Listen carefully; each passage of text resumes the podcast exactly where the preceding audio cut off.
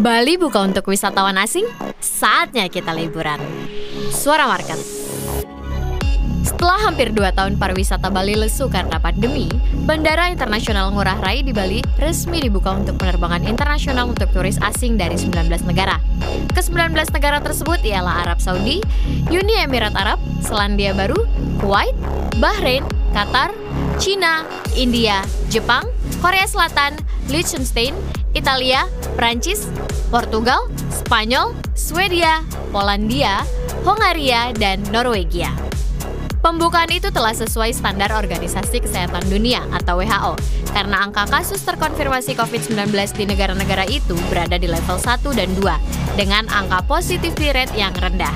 Sementara untuk syarat bagi turis yang masuk yaitu melampirkan bukti tertulis sudah melakukan vaksinasi dua kali dengan waktu minimal 14 hari sebelum keberangkatan serta memiliki hasil RT-PCR negatif dalam waktu 3 kali 24 jam.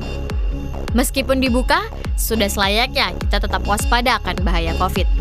Tapi bagi kamu yang sudah lama di rumah, mau liburan akhir tahun di Bali atau enggak? Silakan komentar.